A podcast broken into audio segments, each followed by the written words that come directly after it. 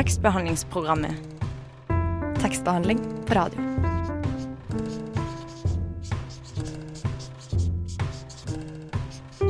Tekstbehandlingsprogrammet.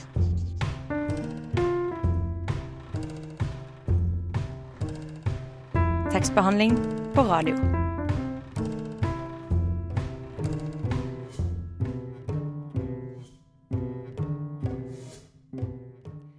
Hei og velkommen til tekstbehandlingsprogrammet. Mitt navn er Mari, og med meg i dag har jeg deg, Stine. Ja, det stemmer det. I dagens sending skal vi snakke om barnebøker som også appellerer til voksne. F.eks. Den lille prinsen, som vi begge to liker ganske godt. Og jeg liker den faktisk enda bedre nå som jeg er mer eller mindre voksen enn det jeg gjorde da jeg var liten. Ja, jeg er helt enig i det. Eh, For litt siden så kjøpte jeg faktisk den boka som var favorittboka mi da jeg var lita. Men jeg har ikke tort å lese den ennå, for jeg er litt redd for at jeg ikke skal like den like godt nå som jeg gjorde da jeg var lita. Eh, Og bøker som, barnebøker som også passer for voksne, det skal vi snakke mer om litt senere. Det stemmer, men først skal vi høre Kiara med sangen 'Say Anymore' fra Radio Novas A-liste.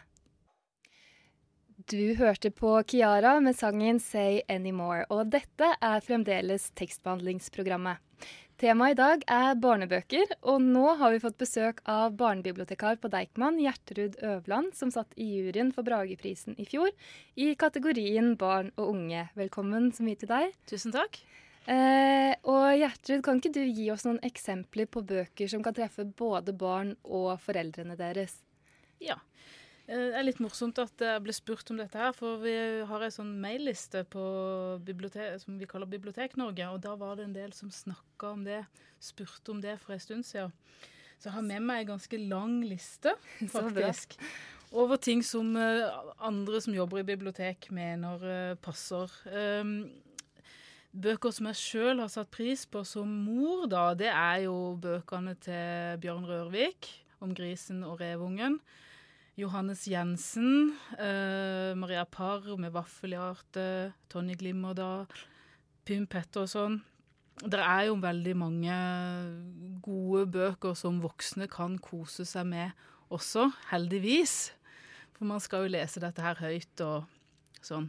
Mm. Og hva er det som gjør at en barnebok passer for både for barnet og for mammaen eller pappa? Jo, det tror jeg er det at uh, det er ting for begge to. Uh, selvfølgelig så er det en historie som uh, alle kan kose seg med, men jeg tror jo det at hvis det er ting som appellerer til den voksne, kanskje ting som den voksne bare forstår, som ikke barnet forstår fullt ut, så kan det liksom piffe opp for den voksne. Og jeg tenker jo det at det finnes tre typer bøker, eller man kan jo dele det inn på mange måter, men da kan man tenke at det finnes de bøkene som bare barna liker, elsker. Et eksempel på det er, huset, er gutta i trehuset i 13 etasjer. Ungene elsker det. Voksne som leser, de syns det blir litt mye. Det skjer masse ting, og det er fullt øh, Jeg kan ikke begynne å forklare hva det skjer, for det er, det er så voldsomme greier. Og så er det jo de bøkene som mest som er barnebøker, men som kanskje mest appellerer til voksne. Vi skal vel snakke litt om det seinere. Det stemmer. Ja, øh, men så er det jo også de som jeg syns kanskje er de beste. De som på en måte snakker både til barn og foreldre. Mm. Um, jeg holdt på å si, er det eh, illustrasjonene som er med på å gjøre dette her, eller er det språkbruken, eller hva er det som Jeg tror det er en øh, kombinasjon, altså. Uh, jeg tror det er det at, at det er noe for barna eh, som barna kan kjenne seg igjen i, og så er det noe som voksne kan kjenne seg igjen i. Og gode illustrasjoner, det er jo alltid en fordel, men øh, det er ikke det alene. Det, det gjør ingen, øh, ingen god barnebok. Det må være tekst og, tekst og illustrasjoner sammen. Mm. Er det vanlig at barnebøker på en måte har flere lag eller dimensjoner? At det er liksom noe som kanskje bare treffer de voksne, som ungene ikke forstår? Sånn som i Erlend Los Kurtby, så spiller jo det litt på Knutby. Knutby, som, ja, Ja. Og det skjønner jo ikke ungene. Nei. Det syns kanskje de voksne Nei, altså det er nok forskjellig hvor mye, hvor mye man bruker av det der. Eh, noen bruker, har veldig masse sånne referanser. Som uh, Bjørn Rørvik, f.eks. Uh, Ragnar Aalbu. Uh, har masse sånne referanser. Uh, men som regel så er det vel kanskje et og annet drypp uh, da. Um, og jeg tror nok at det kan være litt moro. Jeg kan tenke tilbake på sånn annet sjøl at man Å, var det det den boka handla om? Wow! Og så får man en sånn der ny dimensjon på det man leste når man var liten. At man skjønner litt mer. Ting som går rett over huet på når man er barn, det gjør ingenting. Men så kan de voksne kose seg litt med det. Mm. Du har ikke et eksempel på en sånn aha-opplevelse du har hatt med en bok fra du var barn, f.eks.? Nei, ikke barnebok, men jeg kan huske at jeg leste en sånn Fantonal-fortelling. Um, jeg syntes det var morsomt. Og så så jeg, um, så jeg en Harrison Ford-film, en sånn um, Indiana Jones-film.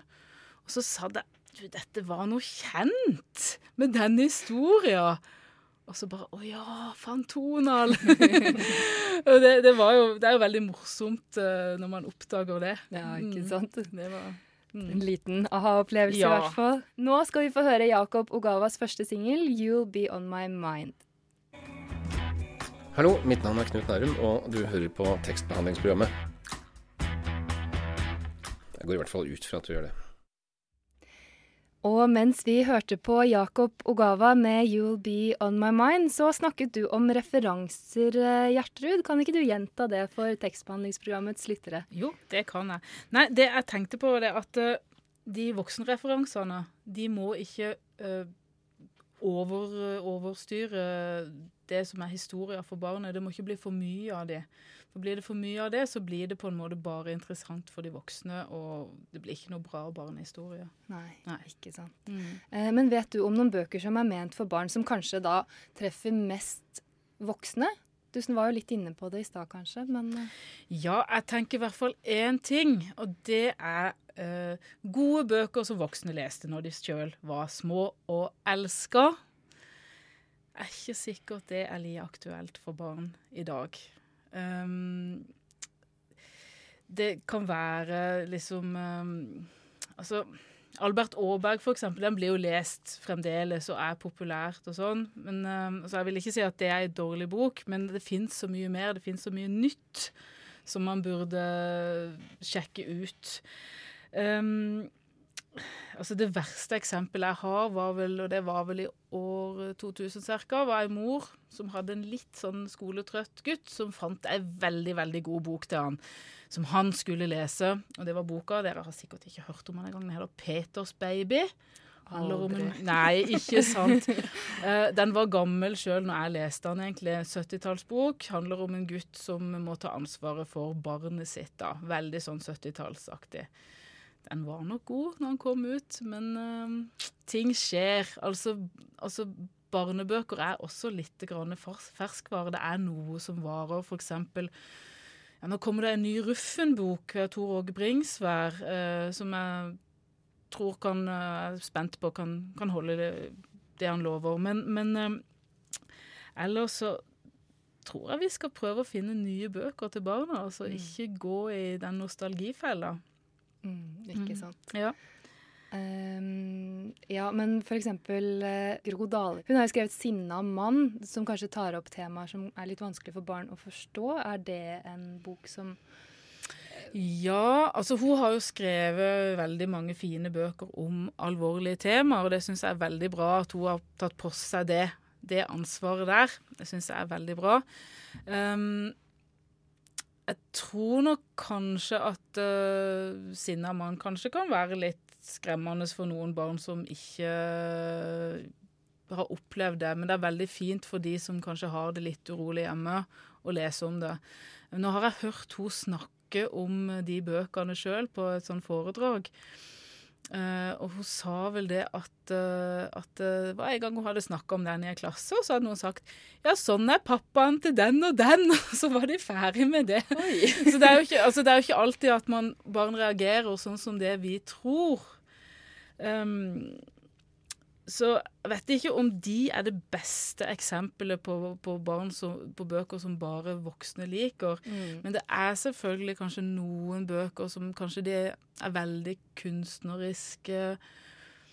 At de kanskje ikke appellerer mest til voksne, da. Ikke like mye til alle barn. Men så finnes det jo barn som elsker det òg, så man skal jo aldri skjære alle over én kam. For det er jo ikke sånn at alle barn er ei gruppe. men men uh, det er kanskje ikke så mange barn som liker de bøkene. Uh, og, og, kanskje har vært på sånn foredrag med Guri Fjelstad, og hun sa det at barn lengter ikke like mye som det vi voksne gjør. Så en del bøker som handler om lengsel, det er litt sånn som dere snakka om at dere likte Den lille prinsen bedre når dere var voksne. Mm. Kanskje dere lengter litt mer enn når dere var barn? Ja, Det spørs det, altså. Det appellerer til det. Jeg har ikke forska så mye på det, for det var akkurat jeg hørte henne si det, men det er veldig interessant da, at en del bøker appellerer mer til de voksne. Men, men um, Og da var det vel Lisa Isatos 'Odd er et egg' som ble nevnt, og det syns jeg er en knallgod bok, og den leser jeg for barna mine hjemme òg, så det er jo ikke sånn at de ikke liker den, men kanskje de liker andre bedre. Mm. Men uh, ja. ja. Kan du si litt om hva slags funksjon barnebøker skal ha? Skal det liksom være liksom underholdende på sengekanten for å få ungene til å roe seg ned før de skal sove, eller bør de være litt moraliserende? Oh, jeg liker ikke moraliserende bøker.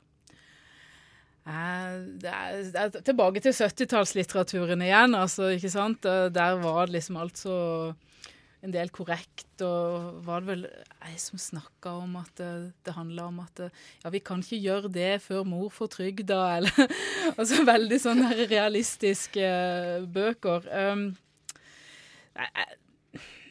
noen bøker kan være litt moralistiske. Eksempel, nå har jeg nevnt Tor Åge Bringsvær. Karsten og Petra kan være veldig korrekte, da. Karsten sykler ikke i gata, for det har han ikke fått lov til. Og den gutten som sykler i gata, han holder selvfølgelig på å bli eh, overkjørt. Um, om Karsten redder han. Men samtidig nå har vi jo snakka litt om hva voksen liker og hva barn liker. Barn liker egentlig at det skal være litt sånn ordentlig. Så det er nok den voksne som syns at uh, Jeg syns egentlig Karsten og Petra er fint, altså, men er av og til litt, litt moralsk. Litt for moralsk. Så jeg liker jo ikke moralske bøker som sådan, sjøl om det skal ikke være amoralsk heller. Um, for meg så tenker jeg at bøker skal være underholdning. Uh, men det skal også gjerne være litt lærende, for barn liker å lære. Barn suger jo til seg som svamper. Uh, det gjør det. Ja. Mm. Er det greit om barnebøkene er litt sånn fjollete og kanskje bruker litt, litt stygge ord og er litt sånn ikke helt politisk korrekt? Ja, det syns jeg jo. Men, men hva som uh, ikke er greit, det er jo så ymse. For noen år siden så var det ei som var meget forarga på Stovner bibliotek. Har dere virkelig sånne bøker? Og det var da ei bok som veldig mange bibliotekarer elsker, 'Den lille mollvarpen som ville vite hvem som hadde bæsjet på hodet sitt'. Men det var liksom, det var for mye for henne. Og vi kan ikke tilfredsstille alle. Um, Sjøl så har jeg litt problemer med 'Rumpemelk fra Afrika' av Erlend Lo. Den tittelen. Men, men, den skal visst være bra. Ungene elsker den, og jeg har òg kollegaer som syns den er helt topp. Men jeg har liksom ikke Jeg har aldri klart å formidle den. Uh, fordi du skal, du skal elske ting litt når du formidler. Så da er det noen andre som må ta seg av det. Uh, så jeg tror at bøker skal være underholdende. Det skal være morsomt det skal også være lesetrening, eller det er lesetrening. Eh, fordi det jeg som barnebibliotekar gjør, er jo til å legge til rette for nye lesere.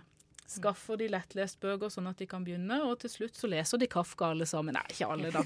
Men altså, altså det, det, begynner. Det er, det er, liksom der det begynner. Det er der den sto, leseren begynner. Med, med løveungebøkene. Mm. Og vi skal snakke mer om uh, unge lesere når vi er tilbake. Uh, men først så skal vi høre I Wanna Touch You av jenteduoen She Devils. Tekstbehandlingsprogrammet når du har lyst til å lese med øra. Det var altså She Devils med låta I Wanna Touch You her i tekstbehandlingsprogrammet på Radio Nova. Eh, og Gjertrud Øverland, du har tatt med deg en barnebok til oss i dag, som også kan appellere til voksne. Hvilken er det? Ja, Jeg har tatt med ei bok eh, som i hvert fall appellerer til meg som voksen. Den er av Bjørn Rørvik og illustrert av Ragnar, Al Ragnar Albu. Og den eh, heter 'Puriot og den usynlige mannen'. Akkurat. Kan du fortelle litt om det? Ja. Puriot, han er da en uh, purreløk og detektiv. Eh, og eh, for oss som har lest Agatha Christie, så er det kanskje noe kjent med eh, ordet puriot, og det er ikke tilfeldig. For her er det masse som spiller på puriot. Uh, poirot. Um, uh, puriot, han får en telefon. Uh, han, det er et sted der noen har blitt slått ned. Gamle bestemor Blom, som for øvrig i illustrasjonene ser ut som et blomkål. eh, har blitt slått ned, eh, og ingen har spor i det hele tatt er å se noen sted som helst. Eh, Samme med den lille, søte gutten Per Sille, som da ser ut som et lite persilleblad. Eh, som eh, da også har fått seg en kilevink. Og Puriot er på saken, og han skal da undersøke hvem det er som har gjort det. Det som er veldig veldig gøy med disse her, er det at eh, Bjørn Rørvik han er en mester med ordspill. Eh, kan du kanskje nevne noen av de andre bøkene han har skrevet? For han er, kanskje, han er jo kjent for Den er mest kjent for det er jo 'Bukkene Bruse på badeland'.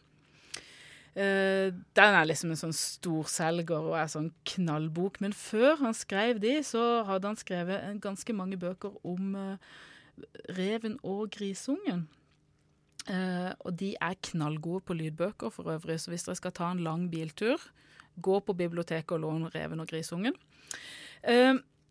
og det er veldig mange bøker, annet i en bok som heter Tutomaten. Yes, ja, da, det kan du lure på. Men da har de da hørt om en uh, tutomat. Og de tenker at nå skal vi lage en tutomat. Uh, og den minner jo veldig om en sånn flaskepanteautomat. Men de lager den sånn at man må gi litt saft eller brus til tutomaten.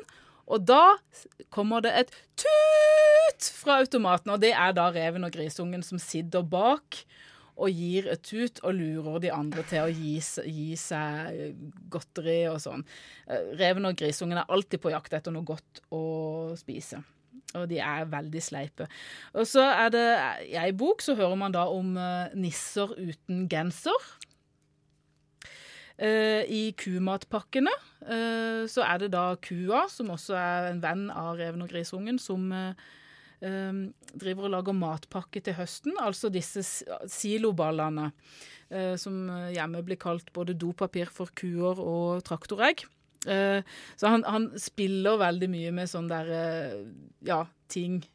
og det blir veldig, veldig morsomt. I, i konglesugeren så er det en veldig kreativ bruk av støvsuger. Um, og konglene kommer ut igjen av den støvsugeren, for å si det sånn. Så det er utrolig morsomt å høre på, og han er veldig flink til å lese sjøl òg. Uh, og han bare for, følger opp dette her i uh, Puriot. Altså masse ordspill og gode greier. Mm. Uh, men hvorfor har du valgt å ta med akkurat den boka i dag? Hva er det liksom som Jeg syns han er så morsom. Jeg koser meg med han, og jeg elsker å snakke om han for barn og sånn, og de blir veldig gira når de liksom skjønner at jeg det er ikke alltid de skjønner at det er en purreløk til å begynne med når jeg holder den opp foran, men så er det alltid veldig mye latter når jeg sier at kona hans heter Paprika. så ja. Nei, den har liksom bare snakka til meg fra det øyeblikket jeg åpna den på første side. Mm. Har du lest den for dine egne barn? Du hva, det tror jeg faktisk ikke jeg har. det. Den bør jeg egentlig ta med meg hjem og lese for de, ja, ikke i dag, men kanskje i morgen. Um, uh, for det bør jeg absolutt. Um, de er jo så store at de kanskje kan lese den sjøl også. Uh, men absolutt hyggelig å lese for høyt for barn. Mm. Kanskje du kunne lest et lite utdrag for oss her i tekstbehandlingsprogrammet? Ja, det kan jeg. Da går vi ganske midt inn i boka. akkurat som Poirot så har han en, en, inspektør som ikke alltid er så glad for at Puriot blander seg inn. Og han heter da inspektør Gurk. og ser ganske ut som en sylta agurk. Og nå har de da altså skal gå og undersøke noen tips de har fått, for de har funnet noen hundehår der hvor, eh, der hvor det ble slått ned bestemor Blom og persille. I full fart kjører Puriot og politimesteren oppover åsen, helt til enden av en svingete grusvei. Der ligger et digert, falleferdig hundehus. Puriot vakler ut av bilen, han gaper etter luft. Alle svingene og røskekjøringen til Gurk har gjort ham kvalm. Det kommer høy bråkemusikk fra huset, så detektiven må høre seg for ørene. Puddelrock! gliser inspektør Gurk. Han løper bort og stikker hodet inn vinduet. Skru ned lyden, i lovens navn! roper han, og tre langhårede pudler kommer ut. Hva er det nå, da? sier de. Dere er arrestert for overfallet på bestemor Blom for to dager siden, pluss lille Per Sille i forrige uke. Gi labb! Det er bare et sånn typisk eksempel på det. Og der kan du si det er også et eksempel på at uh, barna vet kanskje ikke hva puddelråk er, men uh, vi som er litt voksne og husker 80-tallet, vi, vi, vet jo godt det, og morer oss over de ordspillene. Ikke sant. Ja. Eh, tusen takk for fin lesning. Nå skal vi høre en sang fra Helsinki-bandet Sinakopolada. Her får du Face to Face. Én, to, tre. T-E-K-S-T-B-E-H-A-L-D-L P-R-O-G-A-M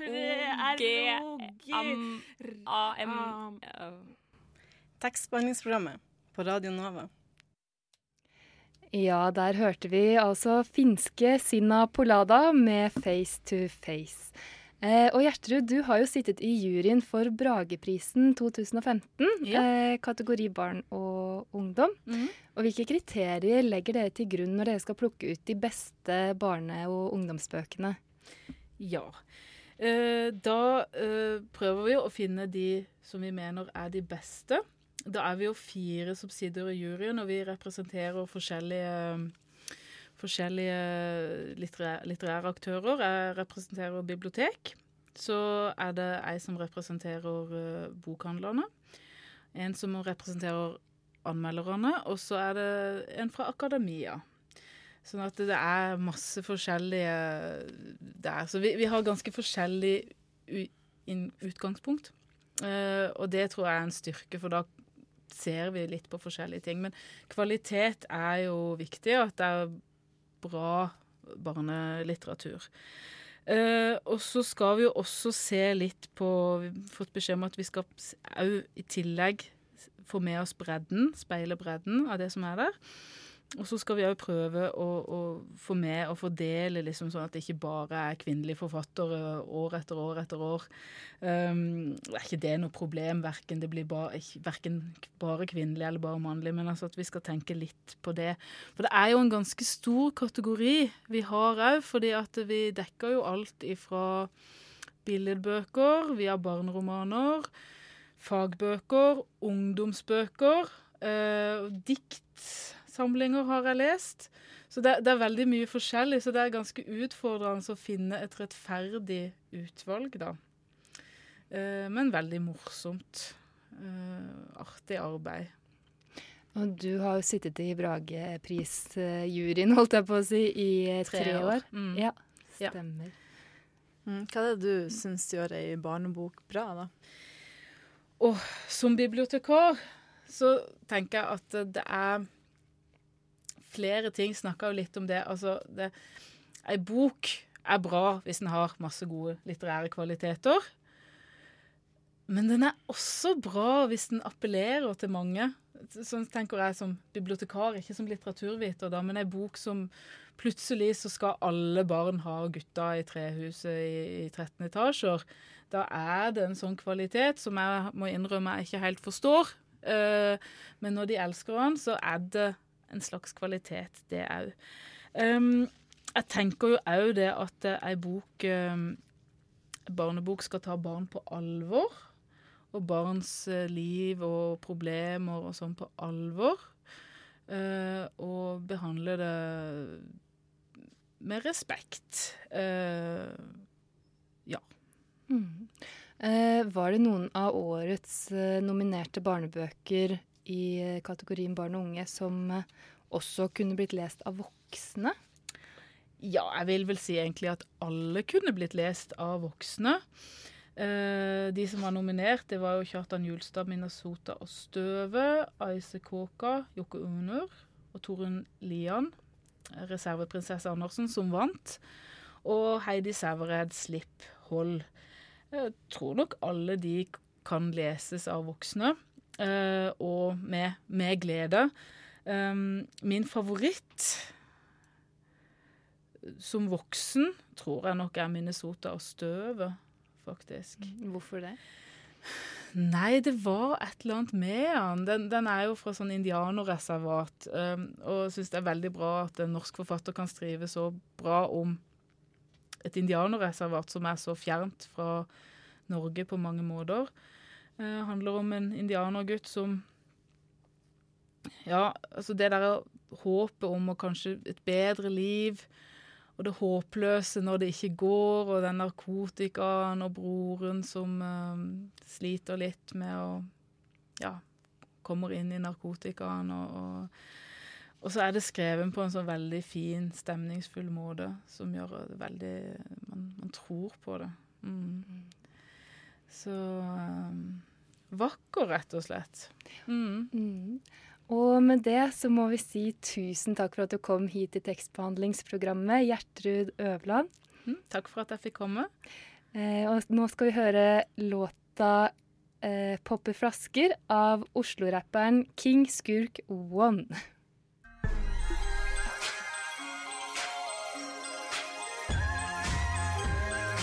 Radio Nova FM 99,3 og radionova.no.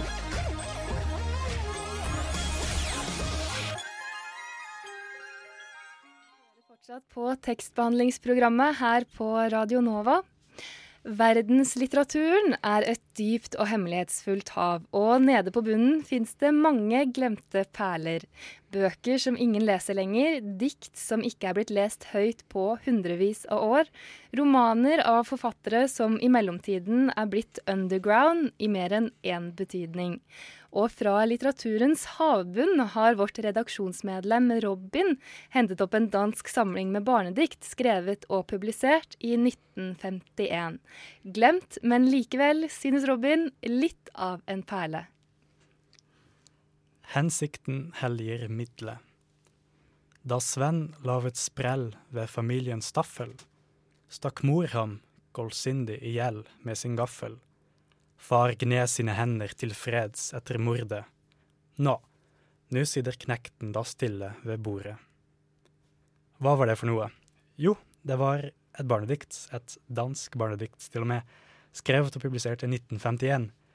Til uh, vår spalte Glemte perler har jeg funnet fram denne her gamle og ukjente barneboka. Den heter Barske børnerim for videre, viderekomne voksne, og er skrevet av en hemmelighetsfull forfatter som kaller seg selv for Poeten. Ja, um, etter litt research så klarte jeg å oppdage hvem det her var som kalte seg for Poeten. Og personen som skylder seg bak pseudonymet, det var den danske forfatteren Paul Sørensen. Uh, det som Wikipedia veit om ham, uh, det er at han ble født i 1906 i Århus, og at han døde i 1973. Og ja, at han var journalist og forfatter i mellomtida. Hans bok fra 1951, 'Barske børnerim', er en samling med 51 små barnedikt og noen illustrasjoner. eh, ja. Og det første som man får øye på, liksom, er at disse diktene er like umoralske, like grusomme alle sammen, like brutale. I Sørensens verden er det full krig mellom barn og foreldre, og begge partier viser seg på sitt aller grusomste. I det første siktet som jeg leste, um, ble en liten gutt jo stukket i hjel med en gaffel av sin egen mor fordi han ikke satt stille ved middagsbordet. Stakkars. Men uh, ja, det kan jo være litt frustrerende å være foreldre, da, av og til. Men uh, også de, også foreldrene, må passe på, for barna er klare til å ta hevn når som helst, som i det neste diktet, som heter Sønnlig betenksomhet. Jakobs moder i sin stue vil ei se ham skyte bue. Jakob siktede, pling, pling. Nu ser moder ingenting. Det er jo fullstendig umoralsk et barn som skyter øynene ut av sin mor, men det er jo litt festlig også, syns jeg personlig. Um, jeg må kanskje si noe om uh, hvor jeg fant denne her, uh, rare barneboka. Um, første gang jeg leste om Sørensen, var i et essay skrevet av Henning Hagerup. Han skrev om uh, lyrikk for barn. Og der nevnte han Sørensen for å illustrere at barnedikt ikke må ha en sånn moraliserende tone som de så ofte har, for å være vellykkede dikt. Hans um, Hagerups argument argumentasjon i dette essayet var at um, de fleste forfattere som skriver dikt for barn, har uh, liksom klare ideer om hva barn vil ha, men at de aller verste forfattere er de som har klare ideer om hva barn bør ha. Og i motsetning til uh, hva et flertall av barnediktforfattere gjør, så er det egentlig perfekt mulig å skrive barnedikt som mangler en sånn moralisering, og som ikke er sånn didaktisk pedagogiske, men samtidig er bra og morsomme uten å være det. Og ja, akkurat som Henning Hagerup, så har også jeg hatt en livslang antipati for akkurat sånne pedagogiske barnedikt. Også i dag syns jeg at barnedikt er mye mer interessante når de ikke prøver å lære meg å være en god elev eller en god sønn eller en from og kysk person, veit ikke hva. Jeg vil at barnedikt, akkurat som all lyrikk som, som, skrives for voksne, skal utfordre meg på forskjellige måter. Kan være språklig, kan være innholdsmessig, kan være moralsk. Og ja, moralsk utfordrende, det kan man si at denne boka er, syns jeg. Um, og det var derfor at jeg tok den med. Um, ja, i dag syns kanskje de fleste menneskene at det er litt gammeldags å skrive så veldig pedagogisk og moraliserende som folk gjorde for noen år siden. Men uh, betyr det da at det går an å skrive i den helt motsatte retninga, som Sørensen gjør her? Skrive om foreldre som dreper barn med gafler, og barn som stikker øynene ut av deres mor. Um, sånne spørsmål om moral og litteratur, og særlig moral- og barnelitteratur, syns jeg er like relevant i dag som de var for 60 år siden. Og det er derfor at jeg syns at denne, denne, boka er en perle. Um, ja, og for å avslutte så vil jeg lese et siste dikt som jeg syns kan tolkes på forskjellige måter. Jeg tror at Sigmund Freud bl.a. ville hatt eh, en stor glede av å analysere det. Det heter 'Sørens far har penge'. Søren ønsker at forhindre at hans arv skal bli mindre, og da knekten jo er vaks, stjal han moders store saks. Søren arver nu hver plukk, Sørens fader er enuk.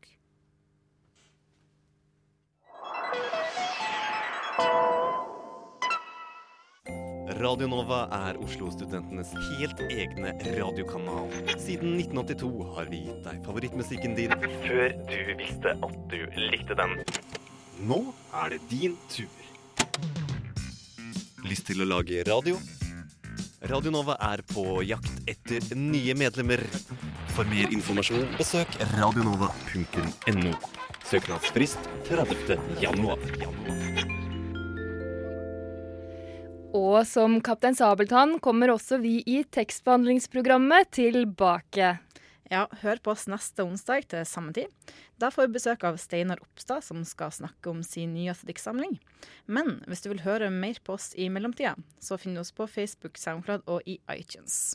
Og programleder i dag, det har vært meg, Mari Nyberget. Og med meg i studio har jeg hatt Stine Spjelkavik Hansen. Bokomtale var av Robin Van de Valle, og tekniker har vært Oda Archer. Ha en fortsatt fin onsdag. Vi høres.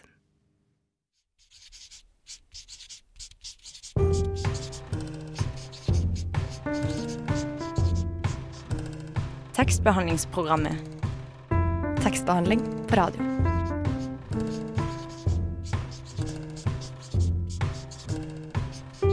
Tekstbehandlingsprogrammet.